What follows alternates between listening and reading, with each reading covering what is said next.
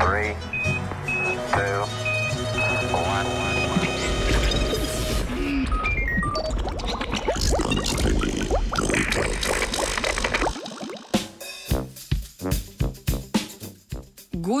paparaci.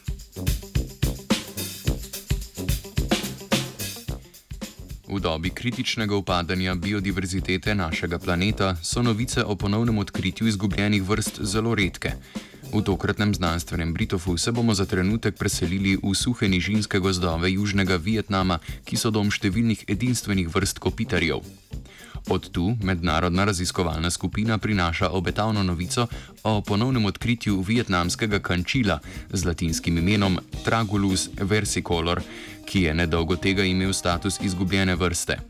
Znanstvena skupnost se je bala, da je žival že izumrla, saj v njenem obstoju zadnjih 25 let ni bilo znanega nobenega uradnega zapisa.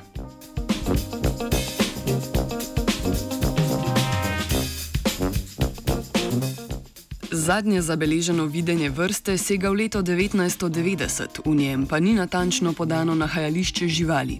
Avtorice in avtori študije, objavljene v reviji Nature, so se iskalne akcije tako lotili na malo drugačen način.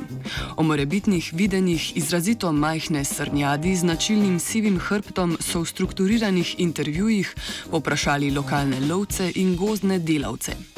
Ti so jih peljali do pomembnih lokacij, kjer so raziskovalke in raziskovalci na to nastavili fotopasti, s katerimi so devet mesecev beležili dogajanja v vietnamskem gozdu.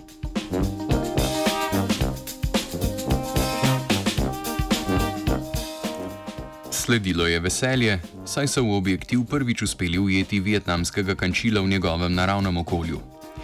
Z posnetih fotografij je razvidno, da svoja majhna rjavo-sivo obarvana telesa naokrog nosijo na tankih nogah, iz ust pa jim kuka par majhnih oklom podobnih sekalcev. Slednji samcem najverjetneje služijo pri boju za teritorij in uspešnih strategijah parjenja.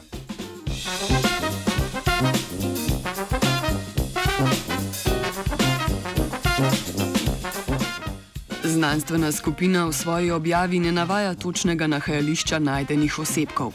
Podatki bi namreč lahko prišli na uho tudi divjim lovcem, ki tamkajšnje gozdove ustrajno praznijo z nastavljanjem pasti, posmrtni ostanki ulovljenih živali pa največkrat končajo na črnem trgu z divjimi živalmi.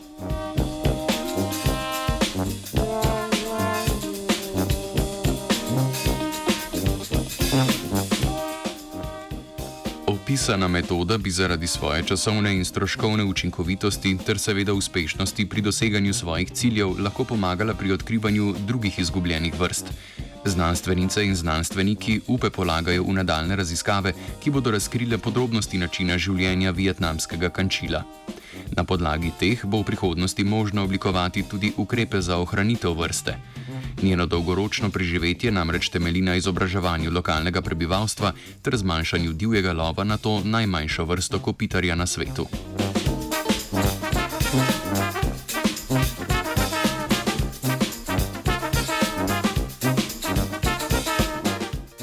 Ponovnega odkritja vietnamskega kančila se radosti Laura. Three,